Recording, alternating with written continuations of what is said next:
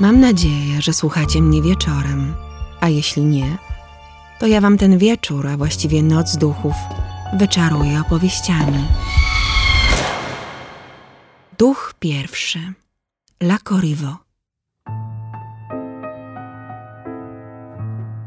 Marie-Joseph Corriveau, która przeszła do historii jako La Corriveau, odnajdziecie w wielu powieściach, sztukach teatralnych, operach, piosenkach i historiach jako wiedźmę i seryjną morderczynię, która podobno zabiła siedmiu mężów.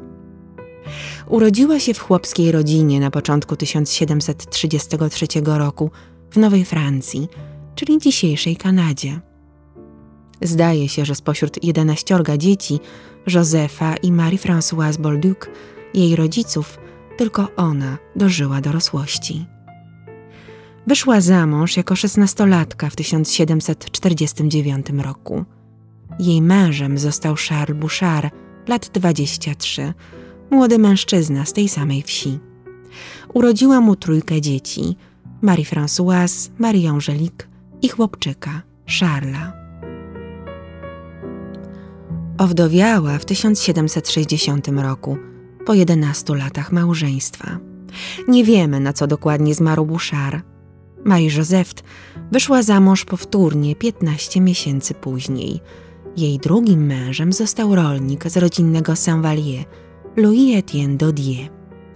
W nocy z 26 na 27 stycznia 1763 roku, po półtora roku małżeństwa, znaleziono w stodole zwłoki Dodiera. Na głowie miał liczne obrażenia. Oficjalnie śmierć uznano za nieszczęśliwy wypadek. Zginął z powodu kopnięcia przez konia. Szybko pochowano ciało, ale ludzie gadali i to jak. Podobno Marie Joseph zadźgała męża widłami. Zmarły nie był lubianym człowiekiem. Nie żył też dobrze ani z teściami, ani z żoną. Miesiąc przed jego śmiercią Marie Joseph uciekła z domu przed dręczącym ją fizycznie i psychicznie mężem. Schroniła się u wuja, jednak została sprowadzona z powrotem do Louis Etienne'a, który poskarżył się do władz na niesubordynację małżonki. Major James Abercrombie osobiście wydał rozkaz ściągnięcia kobiety do rodzinnego domu. Tu muszę nadmienić, że w 1760 roku Nową Francję podbili Brytyjczycy. Przez pierwsze lata okupacji rządziło tylko i wyłącznie wojsko. Nowe władze pod naporem plotek zleciły śledztwo w sprawie śmierci Dodiera. Aresztowano Józefa Corriveau i jego córkę Marie Joseph. Uwięziono oboje w królewskiej reducie w Quebecu. Pod koniec marca 1763 roku rozpoczął się proces przeprowadzony w klasztorze Urszulanek. Ojciec i córka stanęli przed trybunałem wojskowym złożonym z dwunastu oficerów pod przewodnictwem podpułkownika Rogera Morrisa. 9 kwietnia wojskowi skazali Józefa na śmierć przez powieszenie. Marie Joseph została uznana za jego wspólniczkę. Skazano ją na 60 batów i napiętnowanie literą M jak morderca na ręce. Podczas procesu znaleziono jeszcze jedną współwinną osobę, siostrzenicę Józefa, Izabel Sylvain, która kilka razy zmieniała zeznania, wprowadzając sędziów w błąd.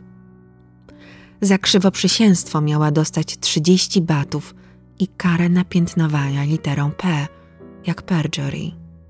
Krzywoprzysięstwo.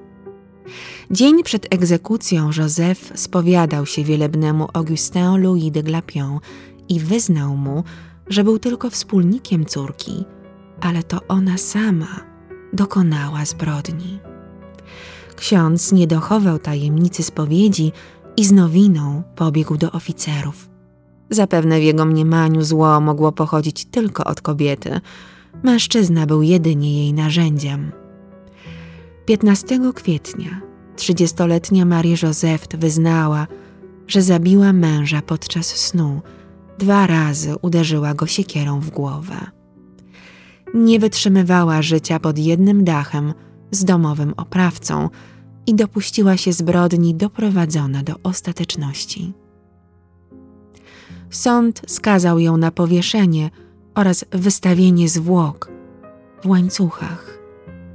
Józef i jego siostrzenica mieli drugi proces, po którym ich uwolniono. Uzyskali również świadectwa niewinności 19 kwietnia 1763 roku.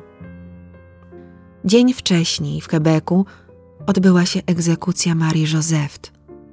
Jej zwłoki wystawiono w klatce wykonanej z łańcuchów i żelaznych obręczy. Zawieszono ją na szubienicy przy ruchliwym skrzyżowaniu dróg. Ciało wisiało przez pięć tygodni, a na pewno do 25 maja, kiedy to na prośbę mieszkańców wojskowi zezwolili na zdjęcie zwłoki ich pochówek. Skąd taka dziwna kara? Oświeceni Francuzi nigdy by czegoś takiego nie zrobili, za to Brytyjczycy nie widzieli przeszkód, by kontynuować tradycje przywiezione z Wysp Brytyjskich. Zdrajców, morderców, ojcobójców zamykano w żelaznych klatkach przymocowanych do murów miasta albo powieszonych na słupach na rynku. Skazańcy umierali z głodu i wychłodzenia. W XVII wieku zakazano w Anglii wykonywania tej kary, ale samo wystawienie zwłok pozostało. Czyli najpierw wieszano skazanych na śmierć, potem ich ciała umieszczano w żelaznych obręczach, które zawieszano w ruchliwych publicznych miejscach, a w przypadku piratów przy szlakach wodnych. Skazańcy wiedzieli, że przyszedł ich czas, gdy kowal pojawiał się w ich celi, by zdjąć miarę. Ich zwłok nie chowano w trumnach, lecz szczątki wciąż zakute w klatkach zakopywano bezpośrednio w ziemi albo rozrzucano kości po okolicy. Jeszcze w XIX-wiecznej Wielkiej Brytanii stosowano ten paskudny zwyczaj po raz ostatni w 1837 roku. Nie myślcie, że tylko Anglicy byli tacy okrutni. W komnacie tortur na Hradczanach w Pradze znajduje się tak zwana czarna dziura. Nad nią wisiała klatka, w którą zakuwano skazańca. Torturowano go różnymi narzędziami, po czym opuszczano zmaltretowane, choć żywe wciąż ciało do dziury. Po jakimś czasie wyciągano ponownie, znęcano się i wsuwano do dołu. I tak aż do zgonu. Wracajmy jednak do XVIII-wiecznego Quebecu. Gdyby nie Brytyjczycy, Marie Joseph zostałaby skazana na spalenie na stosie. Taką karę przewidziano dla morderczeń. Oczywiście w okresie oświecenia mękę złagodzono uduszeniem w chwili, gdy płomienie dosięgały ciała skazanej. Duszono ją wówczas długim skórzanym sznurkiem. Bywało, że sznurek przepalał się i kobieta dusiła i paliła się jeszcze długo. Palenie na stosie zniesiono w Kanadzie na mocy prawa angielskiego w 1790 roku. Ciało Corriveau i klatkę zdjęto i pochowano w nieoznaczonym grobie na cmentarzu w Pointe-Lévis. Przez prawie sto lat Marie Joseph miała pozorny spokój. Jednak jej historia urosła do legendy, w której winna była śmierci siedmiu mężów. Jej klatkę odkryli grabarze w 1851 roku, poszerzając lokalny cmentarz parafii Saint-Joseph de la Pointe-Lévis.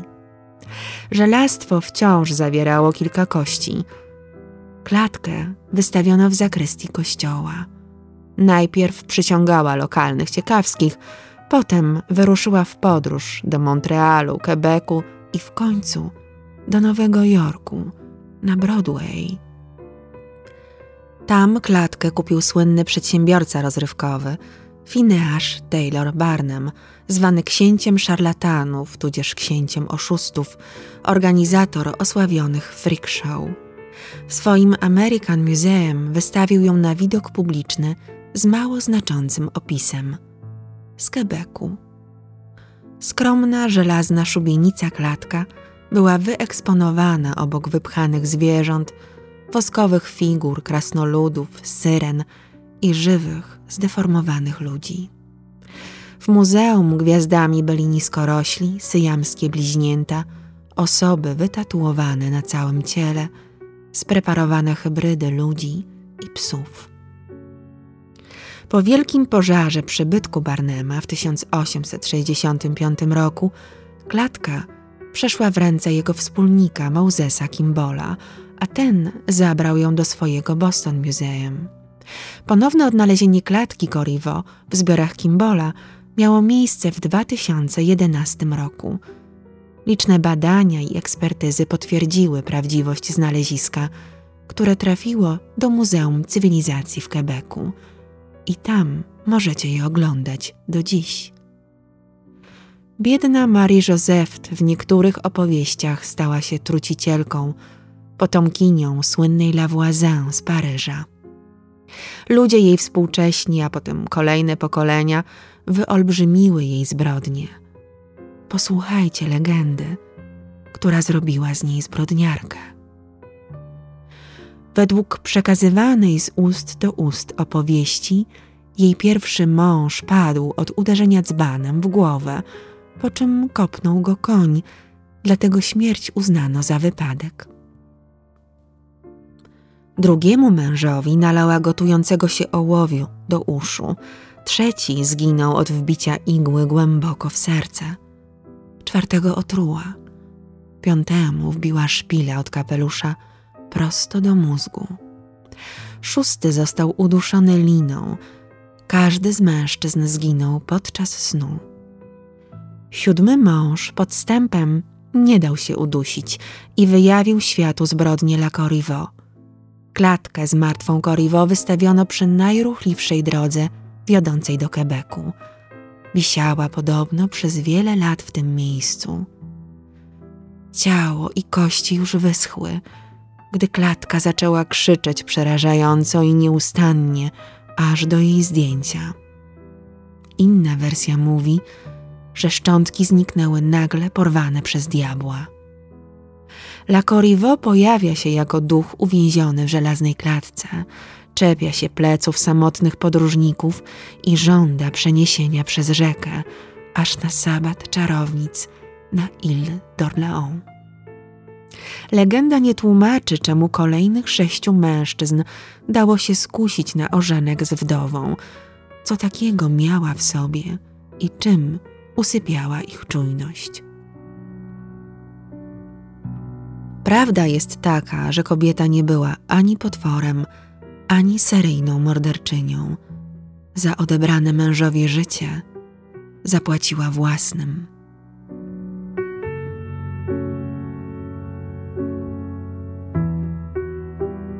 Duch drugi. Elwa Zona Hister Shu, czyli duch Greenbrier. Przed wami historia ducha kobiety, który pomógł rozwiązać jej własne morderstwo. Kowal Erasmus Streibling Traut Schuh poznał Elwę Zonę Hister w październiku 1896 roku. Przystojny Erasmus był z wzajemnością zainteresowany brunetką o delikatnej urodzie. Po jakimś czasie zaręczyli się, a potem pobrali. Ich małżeństwo trwało krótko, ledwie trzy miesiące. 24 stycznia 1897 roku Kowal posłał swojego małoletniego pomocnika do domu po jajka. Chłopiec odkrył zwłoki Elwy. Wezwano na miejsce doktora Johna Napa, który już wcześniej leczył żonę Kowala na tak zwane kłopoty kobiet. Lekarz przyjrzał się denatce i zauważył siniaki na jej szyi, jednak mąż zrobił wszystko, by odciągnąć go od przeprowadzenia dokładnego badania. Nap najpierw podał jako przyczynę zgonu wieczne omdlenia, a tydzień potem w dokumentach zapisał, że zmarła przy porodzie. Kobieta została pochowana już na drugi dzień po śmierci na miejscowym cmentarzu. Dziś jest to metodystyczny cmentarz w Soul Chapel. Gazeta Greenbrier Independent na stronie trzeciej numeru z 28 stycznia 1897 roku opublikowała krótką wzmiankę. Pani E.Z. Shu, żona E.S. Shu, zmarła w swoim domu w Richlands w tym hrabstwie w ostatnią niedzielę 24 miesiąca w wieku 22 lat. Pani Shu była córką pana Hedgesa Histera z dzielnicy Meadow Bluff. Pan Shu wcześniej mieszkał w hrabstwie Pocahontas. W tej samej gazecie, na pierwszej stronie, przytaczano historię o duchu zamordowanego w Australii mężczyzny, który wskazał na swoich oprawców. Matka zmarłej zapewne czytała to wydanie. Nie wiemy, czy kierowała się własnym doświadczeniem, czy też artykułem. W każdym razie twierdziła, że zobaczyła ducha córki przy swoim łóżku, który wyjawił, iż zamordował ją mąż. Starsza pani poszła do prokuratora Johna Alfreda Prestona i przez kilka godzin przekonywała go, że duch mówił prawdę. Preston uległ jej namowom i wszczął śledztwo. Przesłuchano świadków, także doktora Napa, który wypisał akt zgonu. Lekarz przyznał, że obejrzał ciało tylko pobieżnie, bo przeszkodził mu w tym szu. Ta informacja uruchomiła wyobraźnię prokuratora. Na jego polecenie wyciągnięto ciało z grobu i od razu powołano ławę przysięgłych. Zwłoki zostały poddane badaniu 22 lutego, miesiąc od śmierci. Autopsję przeprowadzono w miejscowej szkole, wykorzystując do tego jedyną izbę placówki. Sekcja trwała trzy godziny, a jej wynik był zaskakujący. Zona zmarła w wyniku złamania karku. Raport z 9 marca literalnie wskazywał na tę przyczynę. Tchawica kobiety została zmiażdżona. Na szyi wciąż widać było ślady palców. Kowal został aresztowany i uwięziony w Louisburgu. Oskarżono go o zamordowanie żony. Zaczęto rozpytywać też o jego przeszłość. Okazało się, że wcześniej miał już dwie żony. Pierwsze małżeństwo rozpadło się z powodu rozwodu. Partnerka zarzucała mu okrucieństwo wobec niej i paranie się kradzieżą koni. Druga zmarła w niewyjaśnionych okolicznościach rok po ślubie. Podobno Szu planował zdobyć siedem żon, zakładając, że niebawem wyjdzie na wolność i znajdzie nową oblubienicę. W więzieniu zachowywał się nonszalancko i nie wierzył, że ktokolwiek był w stanie udowodnić mu winę. Proces otwarto 22 czerwca 1897 roku. Oskarżony pojawił się w doskonałym humorze z uśmiechem na twarzy, pewny wygranej. Jednak z dnia na dzień jego mina coraz bardziej żedła. Głównym świadkiem oskarżenia była matka ofiary. Prokurator nawet słowem nie pisnął o nadprzyrodzonym wątku śledztwa. Natomiast obrona błędnie założyła, że historia z duchem zdyskredytuje kobietę w oczach przysięgłych. Efekt był odwrotny.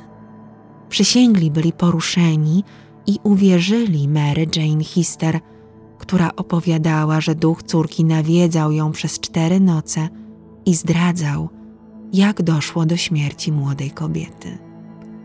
Dziennik Greenbrier Independent donosił 1 lipca o przebiegu przesłuchania matki Zony. Cytuję zapisany dialog. Mary Jane. To nie był sen. Wróciła i powiedziała mi, że jest złe, że nie ma gotowanego mięsa na kolację. Przyszła cztery razy w cztery noce, ale drugiej nocy powiedziała mi, że jej szyja została ściśnięta przy pierwszym kręgu i było tak, jak mi powiedziała. Prawnik, a czy nie był to sen oparty na pani niespokojnym stanie umysłu? Mary Jane, nie proszę pana, to nie był sen, bo byłam tak rozbudzona jak nigdy wcześniej. Nosiła tę samą sukienkę, w której została zabita. A kiedy poszła mnie zostawić, odwróciła głowę całkowicie i spojrzała na mnie jak ona. Chciała, żebym wiedziała o tym wszystko prawnik. Więc upiera się pani, że córka rzeczywiście pojawiła się z krwi i kości przy czterech różnych okazjach? Mary Jane. Tak, proszę pana. 11 lipca uznano oskarżonego winnym morderstwa. dostał karę dożywocia. Wyrok nie usatysfakcjonował rozjuszonego tłumu. W drodze z sądu do więzienia planowano Kowala zlinczować, jednak zastępca szeryfa w porę dokonał interwencji. Czterech najgłośniejszych podjudzaczy zostało aresztowanych. Erasmus zmarł w wieku 38 lub 39 lat 13 marca 1900 roku, czyli trzy lata później, w zakładzie karnym w Mountsville w zachodniej Virginii. Padł ofiarą niezidentyfikowanej choroby zakaźnej. Pochowano go w nieoznakowanym grobie. Niedaleko niego leży jego ofiara, Zona Histerszu. Podobno to jedyny przypadek, gdy duch wskazał mordercę i dzięki temu wszczęto śledztwo. Tabliczka z taką informacją została ustawiona na zewnątrz cmentarza, na którym pochowano Zonę. Na jej nagrobku widnieje dopisek Greenbrier Ghost. Podobnie jak La Corriveau, Greenbrier Ghost przeszedł do popkultury. Pojawia się w utworach scenicznych i musicalu oraz kilku powieściach. Duch trzeci, czyli duch, którego nie było. Hammersmith Ghost. W listopadzie 1803 roku w okolicy Hammersmith w zachodnim Londynie krążył duch mężczyzny, który popełnił samobójstwo rok wcześniej, podrzynając sobie gardło i został pochowany na miejscowym cmentarzu. A przynajmniej tak głosiła wieść gminna i ci, którzy rzekomo spotkali zjawę. Duch nie mógł sobie znaleźć miejsca, gdyż samobójcę złożono do grobu na poświęconej ziemi, czego nie godzi się robić i co nie daje spokoju tym, którzy zginęli z własnej ręki. Dziś wspomniany cmentarz i kościół świętego Pawła położone są niedaleko ruchliwego czteropasmowego ronda Hammersmith. Ponad 200 lat temu była to zaciszna okolica otoczona polami. Ścieżki wiodące do kościoła były nieoświetlone i nieutwardzone. Świadkowie przekazywali opowieści o wysokiej istocie ubranej w całości na biało. Inni widzieli ją w szacie z cielęcej skóry z rogami i wielkimi, szklistymi, wytrzeszczonymi oczami. Duch bynajmniej nie unikał kontaktu, straszył dorosłych i dzieci. Jego obecność nabrała tragicznego wymiaru, gdy wszedł w interakcję z co najmniej dwiema różnymi kobietami, na które napadł w pobliżu cmentarza. Obie zmarły podobno kilka dni po spotkaniu z upiorem. Jedna już była wiekowa, druga dość młoda i w ciąży. Thomas Grum, jeden ze świadków, opowiadał, że wracał obok cmentarza między ósmą a dziewiątą wieczorem. Z marynarką pod pachą i rękoma w kieszeniach szedł spokojnie i bez lęku. Nagle coś uniosło się z nad nagrobka i złapało Tomasa dwiema rękami za gardło. Tomas zdobył się na odwagę, pchnął ducha, trafiając w miękkie ciało w płaszczu i wziął nogi za pas. Już od dwóch miesięcy duch siał postrach w okolicy, gdy 29 grudnia William Gardler, stróż nocny, zobaczył go na ulicy Beaver Lane i pobiegł za nim bez trwogi. O dziwo zjawa zrzuciła całun i rozpłynęła się w mroku. W Londynie nie było jeszcze policyjnych patroli, więc ludzie gremialnie postanowili poradzić sobie z upiorem, oczywiście ci najodważniejsi. Zaczęli nocną porą patrolować ulice. 3 stycznia 1804 roku około godziny 21.30 na rogu Beaver Lane i Black Lion Lane ten sam stróż, Gerdler, natknął się na Francisa Smitha.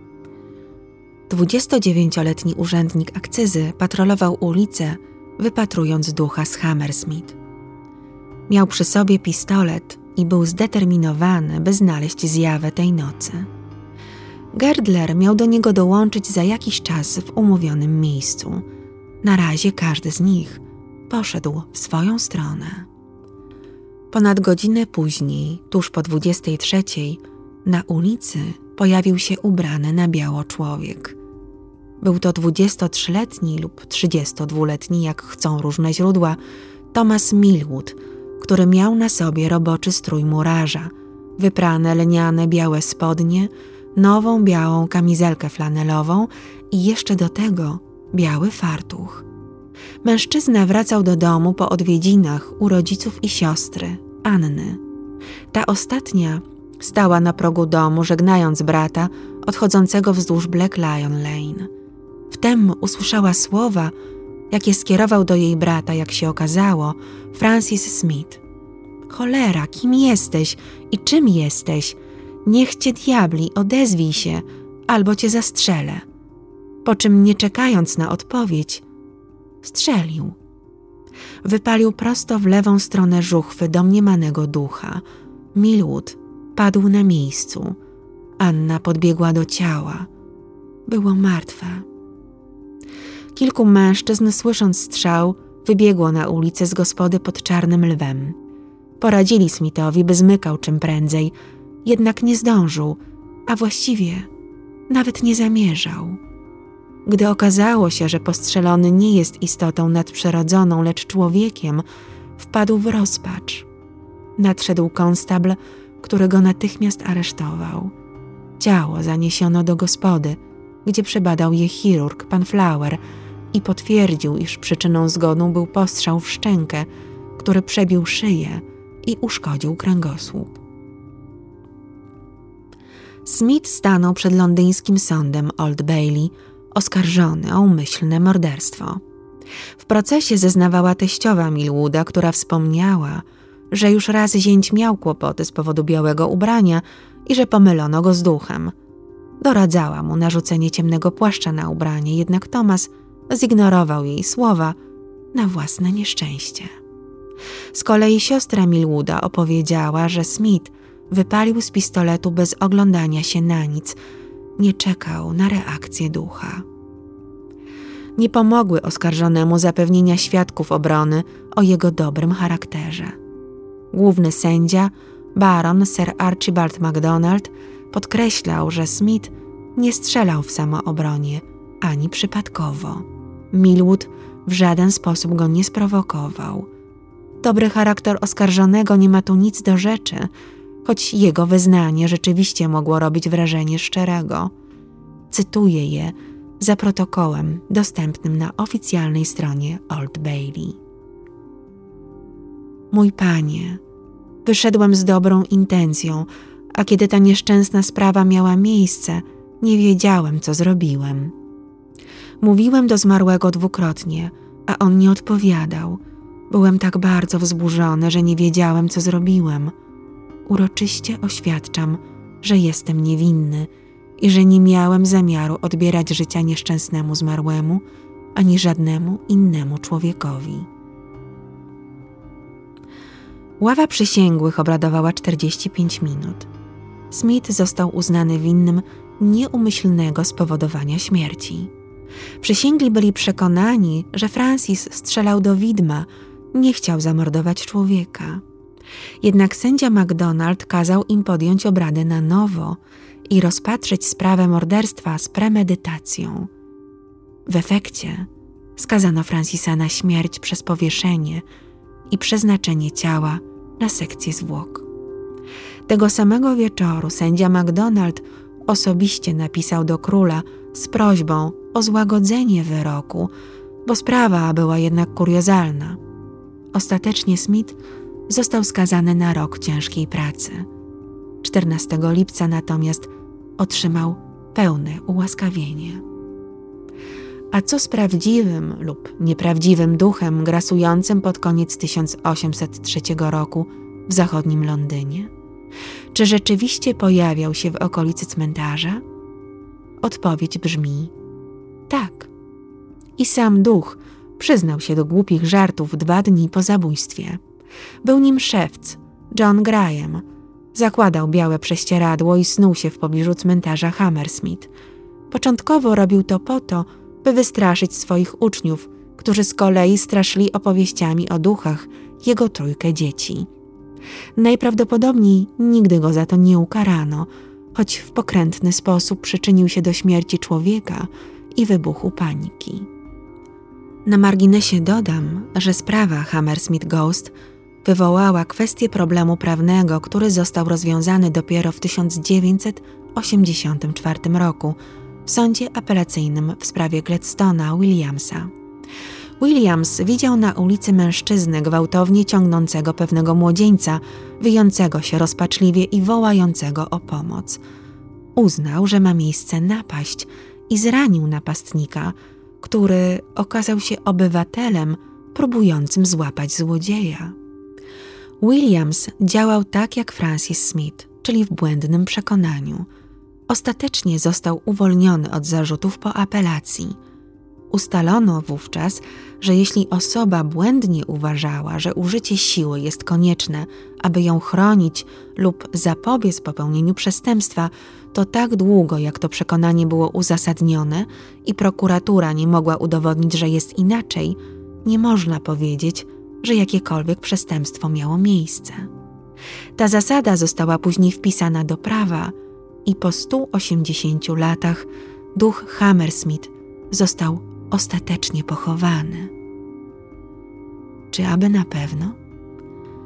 Właściciel gospody pod Czarnym Lwem, przy której miało miejsce zabójstwo, i jej bywalcy twierdzili przez kolejne dziesięciolecia, że duch Milwooda pojawia się w tym miejscu co 50 lat. Wraca też na cmentarz Hammersmith. Ostatni raz widziano go w 1955 roku. W 1959 roku podobna sytuacja miała miejsce w Sudanie. Abdullah Mukhtar Nur, dwudziestoletni rolnik, został oskarżony o morderstwo. W wiosce, w której mieszkał, krążyła opowieść o duchu, który nawiedza okolice. Pewnego wieczoru, poszukując zaginionej krowy, zobaczył wysoką postać ubraną na czarno i trzymającą kij w ręku. Krzyknął do niej, ale nic nie odpowiedziała, więc napadł na nią i zatłukł jej kijem na śmierć, jak się okazało. Dopiero gdy doszedł do siebie, zorientował się, że zabił starszą kobietę, sąsiadkę. Mężczyzna został uniewinniony. Jak to uzasadniał sąd, oskarżony działał w dobrej wierze i szczerym przekonaniu, że zabił ducha bez zamiaru zabicia człowieka. Przy okazji nietypowych opowieści o duchach, polecam Wam 41 odcinek mojego podcastu o tak zwanym morderstwie Hello Kitty, w wyniku którego zginęła młoda kobieta, Fan Manie. Przez kolejne miesiące od zbrodni, do której doszło w 1999 roku w Hongkongu, kamery monitoringu w okolicznych sklepach przy Grenville Road 31 uchwyciły kobiecą postać, czającą się w ich wnętrzach, długo po godzinie zamknięcia. Czerwona, łuszcząca się farba na poręczach schodów w budynku przypominała ludziom zaschniętą krew. Nocami słyszano płacz kobiety. Miejska legenda ducha Fan Manie trwa do dziś.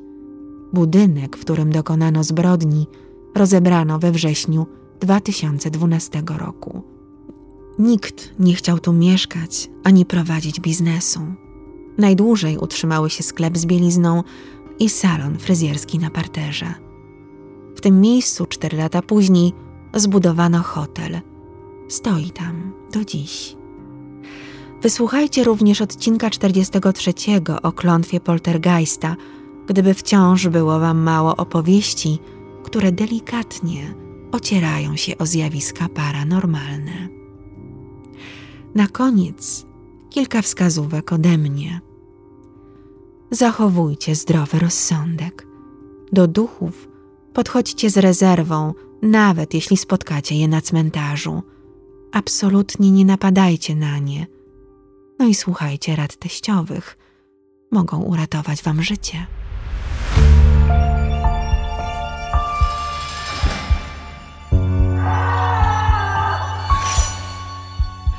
Do usłyszenia i do zobaczenia w moim worku kości w Warszawie przy Bagatela 10. Renata z worka kości.